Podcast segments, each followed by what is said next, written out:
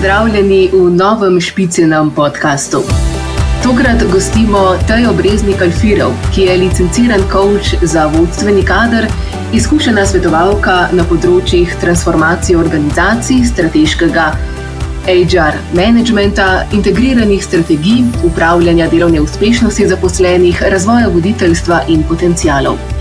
Poleg formalne izobrazbe iz menedžmenta in diplome iz menedžmenta v turizmu in zaključenem General Management programu, se je izobraževala v večletnem treningu iz transakcijske analize, zaključila akreditiran program za coacha pri International Coach Federation, je licencirana svetovalka za Cultural Tools Transformation metodologijo in še bi lahko naštevali. V svoji več kot 20-letni karieri je pridobila tudi številne nagrade, dve nacionalni nagradi za HRM, pa naziv HR Manager leta 2012. Taja, dober dan.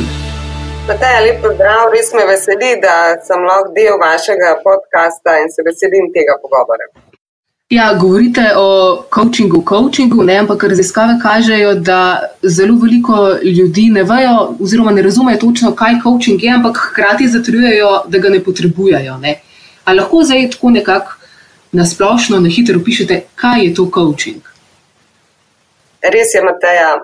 Zavedanje, kaj coaching sploh je, je zelo nizko in se ga zamenjuje z vsemi drugi, drugimi oblikami razvoja. Mogoče je najlažje povedati, eh, kaj je coaching, s tem, da povemo, kaj coaching ni. Torej, ni trening, ne gre za neko usvojitev posebnih uh, specifičnih veščin znanja, ni mentorstvo, torej ni prenos znanja in izkušenj na mentija, absolutno ni terapija, torej ni to mm, psihoterapija, kar je tudi včasih se zamenjuje coaching, in pa tudi ni svetovanje.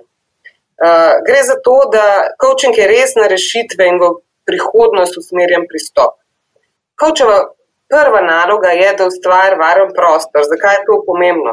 To je pomembno predvsem zato, ker ko se ljudje počutijo varni, ko se ne počutijo, da so obsojeni, lahko sploh uh, vklopijo svoj prefrontalni korteks, torej ta del možganov, ki je odvisen za.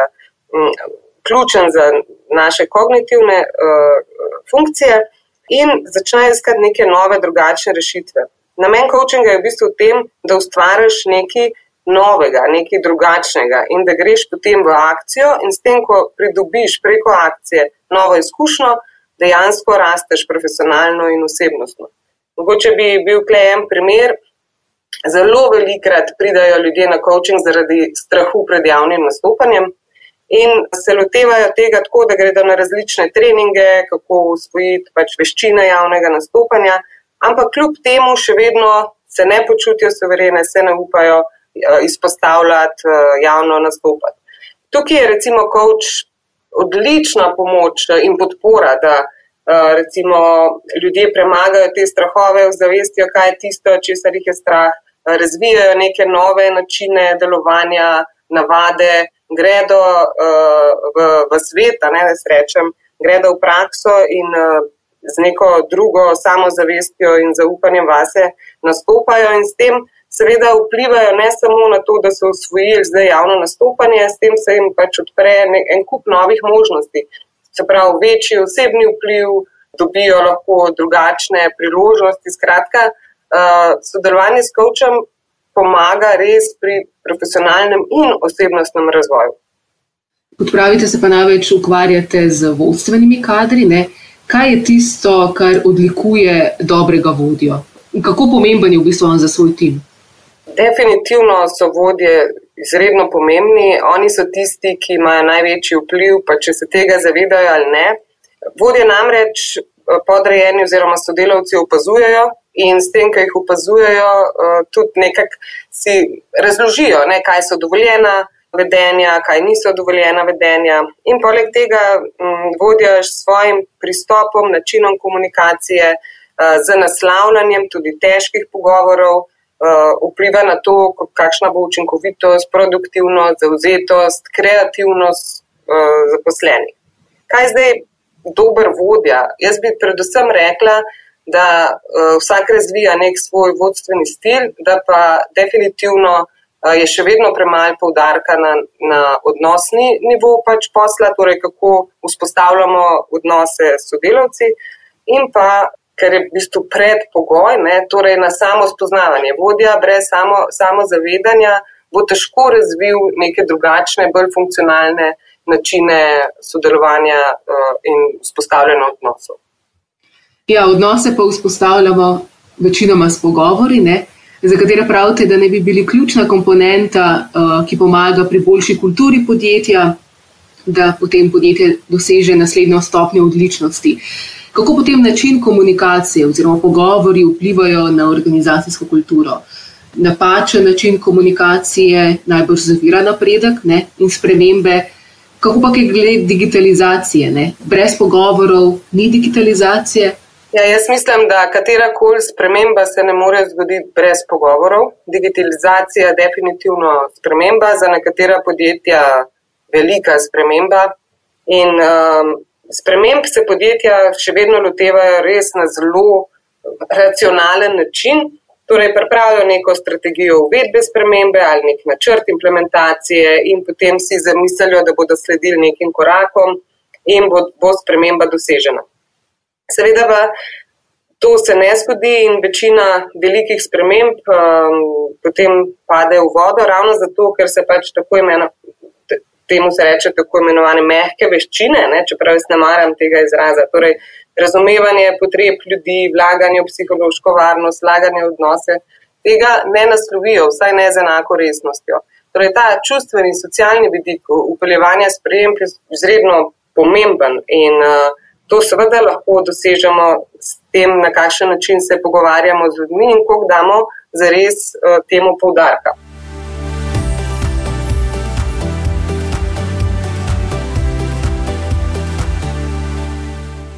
Ja, podjetja se tudi um, soočajo z, recimo, da bi bila njihova noviteta, recimo tudi registracija delovnega časa, ne, po domače štempljanje. Zdaj, nekateri ljudje še vedno to razumejo kot nekaj, kar jih utesnjuje, da gre za kontroliranje zaposlenih.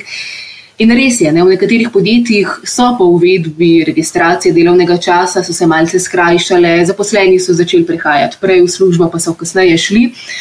Ampak po drugi strani ne, pa uh, samo preko te registracije mi dejansko vemo, koliko zaposleni dejansko dela in ga lahko recimo za nadure in tako naprej tudi pošteno plačamo. Kako zdaj lahko mi v bistvu zaposlenemu, ki se morda upira registraciji delovnega časa, v bistvu pokažemo, da je to na dolgi rok nekega, nekaj dobrega za njih? Ja, tale registracija delovnega časa ali pa štempljanje, ne, kot uh, domače. Ja. ja, To, jaz ne vem, če poznam enega človeka, ki bi bil ravnodušen do tega. Torej, vedno sta uh, dva pola. Torej, to je res neka tema, ki razbudi nekaj čustev v ljudeh in to je meni vedno tudi zanimivo opaziti, zato ker recimo prav ta tema, se pravi štempljanje, uh, potem preko pogovora lahko zelo veliko spoznam, kaj je človeku pomembno. Tipično se pa eh, ljudje delijo na dva pola, torej tiste, ki so za in tiste, ki so proti. In ta čustveni odziv, ne, ta čustveni odziv tega, kar se toliko menedžerjev boji, to je v bistvu ful velika priložnost, da, uh, je, uh, da naslovimo zdaj tukaj prave teme in da raziščemo, kaj je v zadnji za tem odzivom. Za vsakim čustvenim takim burnim odzivom ne, je neka, neka, neka naša potreba, ki jo pač neka uvedba ogroža ali pa, ali pa paše, ne, je naši potrebi neka sprememba. In zdaj, pri nekaterih je zaradi štempljanja recimo ogrožena njihova potreba po avtonomiji, druge pa lahko štempljanje res pomerja. Se pravi, da je neko zagotovilo, aha, zdaj imamo nek red, tukaj je nek nadzor, pridem takrat, takrat je malca. Ne, torej, dva totalno različna odziva. Eni imajo mogoče uh, tudi občutek poštenosti, torej, lej, vsi delamo enako dolgo, ali pa imamo plačane nadure in so s tem zadovoljni, drugim pa da ta ista sprememba občutek nepoštenosti. Kaj je zdaj to? Ne? Mi moramo biti plačani po učinku, ne po tem, koliko časa smo prisotni. Mhm. Nekomu lahko da vem, to, tudi občutek uh, vrednosti. Glejte, koliko sem velik ur delov, zato sem pač uh, vreden, pomemben. Drugim pa da občutek nevrednosti. Ne zaupajo mi in me nadzirajo.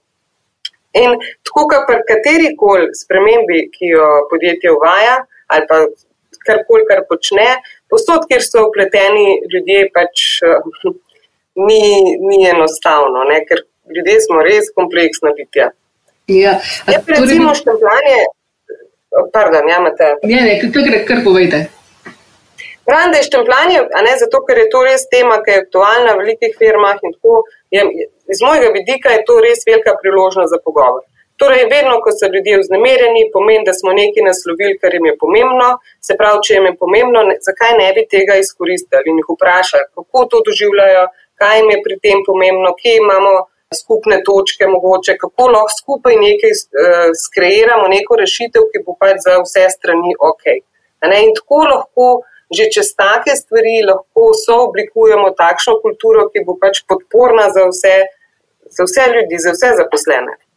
Torej, pred samo uvedbo štempljanja bi vi priporočali vodjem, da se najprej temeljito pogovorijo s svojimi zaposlenimi in v bistvu predebatirajo, kakšen način štempljanja si želijo.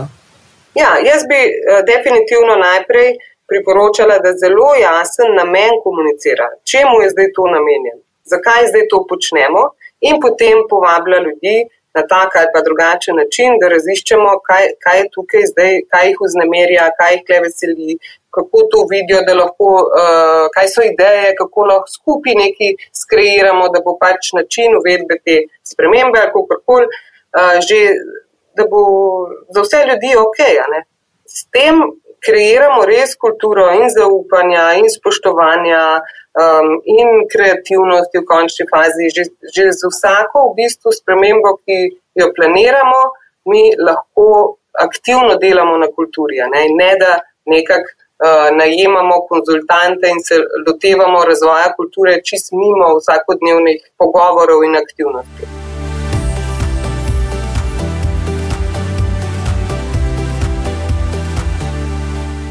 Umenili ste tudi, ne, da um, tiste ljudje, ki so pod stresom v službi, da se zaprejo za sodelovanje. Um, v srednje velikih in predvsem velikih podjetjih se pa skupine sodelavcev velikrat združujejo v tako imenovane silose. Ne? In ta organizacija v bistvu zavira sodelovanje. In zdaj, kako bi mi lahko izboljšali komunikacijo med oddelki? Ja, res je. Silosi ali pa vrtičkanje so prisotni v organizacijah. In zdaj, iz vidika možganov, je to zelo logična zadeva. Naši socialni možgani, kot pač del, ki, ki je odgovoren za naše povezovanje, občutek pripadnosti in tako, so narejeni tako, da kategorizirajo ljudi na tiste, ki so pač v mojem ožjem krogu, in na tiste, ki so zunaj tega kroga. In zdaj, prvim tem, ki so v mojem krogu, lahko zaupamo, unim, ki pa so izven mojega kroga, pa ne zaupam ali zaupam manj. In zato je to pomemben, da se podjetja osredotočajo na gradnjo skupnosti, jaz temu rečem. Ne, ne na neke oddelke in biznis unite in tako, ampak na gradnjo skupnosti. Torej, podjetje naj postane skupnost in ne skupina ljudi, ki sicer formalno dela skupaj, ampak, ampak v resnici tekmuje ali pa se ne spoštuje, uh, ali pa celo se timi počutijo ogrožene drug od drugega in zato tekmujejo se tipično obtožujejo in se lahko tudi zapirajo drug pred drugim. Zdaj pa kako to skupnost zgraditi, kaj je tisto, kar ljudi povezuje. In tukaj, hočemo, nočemo, je pač treba nasloviti naše duhovne in čustvene potrebe. Torej, to je tisti, recimo, ključ do uspeha. To so stvari, ki jih vsi poznamo: vizija, poslanstvo, skupne vrednote, skupni cilji, občutek pomembnosti, cenjenosti, prispevanja. To so teme, ki jih je potrebno nasloviti, na njih delati z isto resnostjo, kot se lotevamo tem, ki so povezane s financami, vem, razvojem produktov, strankami in tako naprej. Zdaj pa je to težko. Mm, jaz mislim, da v teoriji management razume, da je to potrebno nasloviti, da pa zares ne ve točno kako. In jaz mislim, da priznati, da ne vem, kako se loti tega čustvenega in socialnega aspekta vodenja firme, ni nobena šibkost. To pač so teme, ki smo se jih redko naučili doma, še manj smo se jih naučili v šoli, in je pač enostavno to naloga, ki jo moramo kot odrasli prevzeti na sebe in se začeti s temi stvarmi ukvarjati. Mogoče so komu zoprne, po drugi strani pa, ko enkrat usvojimo in razvijamo čustveno in socialno inteligenco, zares to ne pomaga sam našim sodelavcem in podjetju. Zares je to za nas res en, ena velika prednost za veliko bolj kakovostnejše življenje. Dan danes pa smo v takem nekem čudnem obdobju, bomo, bomo rekli, da virtualni sestanki postajajo nova normalnost. Um, in zdaj učinkovit virtualni sestanek pa zahteva, zahteva specifičen protokol komuniciranja. Kako bi vi svetovali, da bi najbolje izpeljali pogovor oziroma sestanek preko Teamsa ali pa Zuma? Ja, res so. Te sestanki so zdaj nova normalnost. Eh, nekomu to strašno paše, nekomu ne. Meni to zelo odgovarja. Eh, poleg tega, eh, kar je meni pomembno pri tem, je to, da za tak sestank se je treba pač pripraviti, se je treba tudi za sestank uživo. Ne? Ampak te sestanke ne morejo biti neskončno dolgi. Res nek maksimum enega sestanka je 90 minut, pa še ta. Eh, še teh 90 minut uh, je fajn, da je kaj še odmor vmes. Drugače pa ključna priprava. Torej, eno je, da vemo, da na sestank ne vabimo 22 ljudi, ne, ampak da so te timi majhni, se pravi 5 do 6 ljudi. Vemo, da je pomembno, da se vnaprej pošle, kaj je namen sestanka, točno agendo. Vemo, da je zelo pomembno, da preverjamo, koliko ljudi vejo, kdaj, kje je sestanka in deluje povezava in da, da se ne izgubljajo pač nekega, neke svoje energije z takimi logističnimi zadevami. Kar pa je še bolj pomembno, je kako zdaj ta sestanek vodimo, sigurno so razlike. Recimo, da se preklopimo na Zoom ali pa na Teams in kar začnemo, no, agenda je, gremo zdaj, ti boš to, ti boš to, ne? to sigurno ni dober pristop. Uh, sigurno je treba neko recimo ogrevanje, temu rečemo, torej preverjanje ne, razpoloženja ljudi. To lahko naredimo zelo hitro, zelo enostavno. Vem, damo slike z različnimi destinacijami, vprašamo, kje bi bili zdaj, zakaj bi bili. Ne, lahko damo smajlje in ljudje povejo, kako se počutijo. Skratka, en tak intro, ne, da se povežemo. Tudi virtualno je z mojega vidika zelo pomemben. Potem pa Jaz mislim, da je pomembno držati strukturo. Mi ne moramo računati na enako spontanost preko virtualnih sestankov, kot pač v živo. Najbolj pomembno od vsega se mi pa zdi v bistvu to, da je sestank res vključujoč, da preverjam mnenja, da sprašam za idejo, da preverjam, kako so zdaj razumeli, ker smo se pogovarjali. Skratka, da je neka interakcija ne? in ne, da je ne vem, en slajd gor na ekranu 20 minut v bistvu nek slajd na ekranu, naj bo čim manj časa, naj, naj bo več te face-to-face, ne vem kako je zdaj to po slovenski, um, komunikacije, ki bo. Na štiri oči. Na štiri oči, ne, oziroma na pač. Šest oseb, ja. Tako, ne, na, kjer pač ljudje dejansko se pogovarjajo drug z drugim. Tudi stvari, kot so, ne vem, povedati nek primer, zgodbo, take stvari, ki pač angažirajo, ki so zanimive, ne, tudi uh, so pomembne. Ne. Ideja pač je, da ljudje dejansko sodelujejo, ker tako pa lahko ima ta sestanek nek smisel. Kar pa je past, ki jo pač sigurno opažam, da je teh sestankov ogromen zdaj. Mhm. In uh, res se mi zdi pomemben, da se razmisli, ali res rabimo sestanek. Koga točno zdaj rabimo na tem sestanku? Ker eh, seveda zdaj je pač tudi ta pasta, ne? zdaj smo pač online, zdaj pa jaz lahko skličem kadarkoli ta sestanek, ker je pač veliko lažje logistično, kot pa se nekam odpeljati, se usesti in, in se zbrati fizični. Tako da jaz bi povzela zdaj vse tole, v bistvu kratki sestanki, zelo jasno agendo, eh, z jasno strukturo in z velik, velik interaktivnost. Teja, najčas je iztekel. Jaz se res iskreno zahvaljujem za ta pogovor, ki je bil super, navdihujoč in mislim, da se bo večkrat zavrtel tudi pri posamezniku, da ga lahko večkrat poslušamo. Tako da hvala lepa, da ste se vzeli čas, pa da ste bili z nami. Mateja, blumijo veselje in hvala lepa.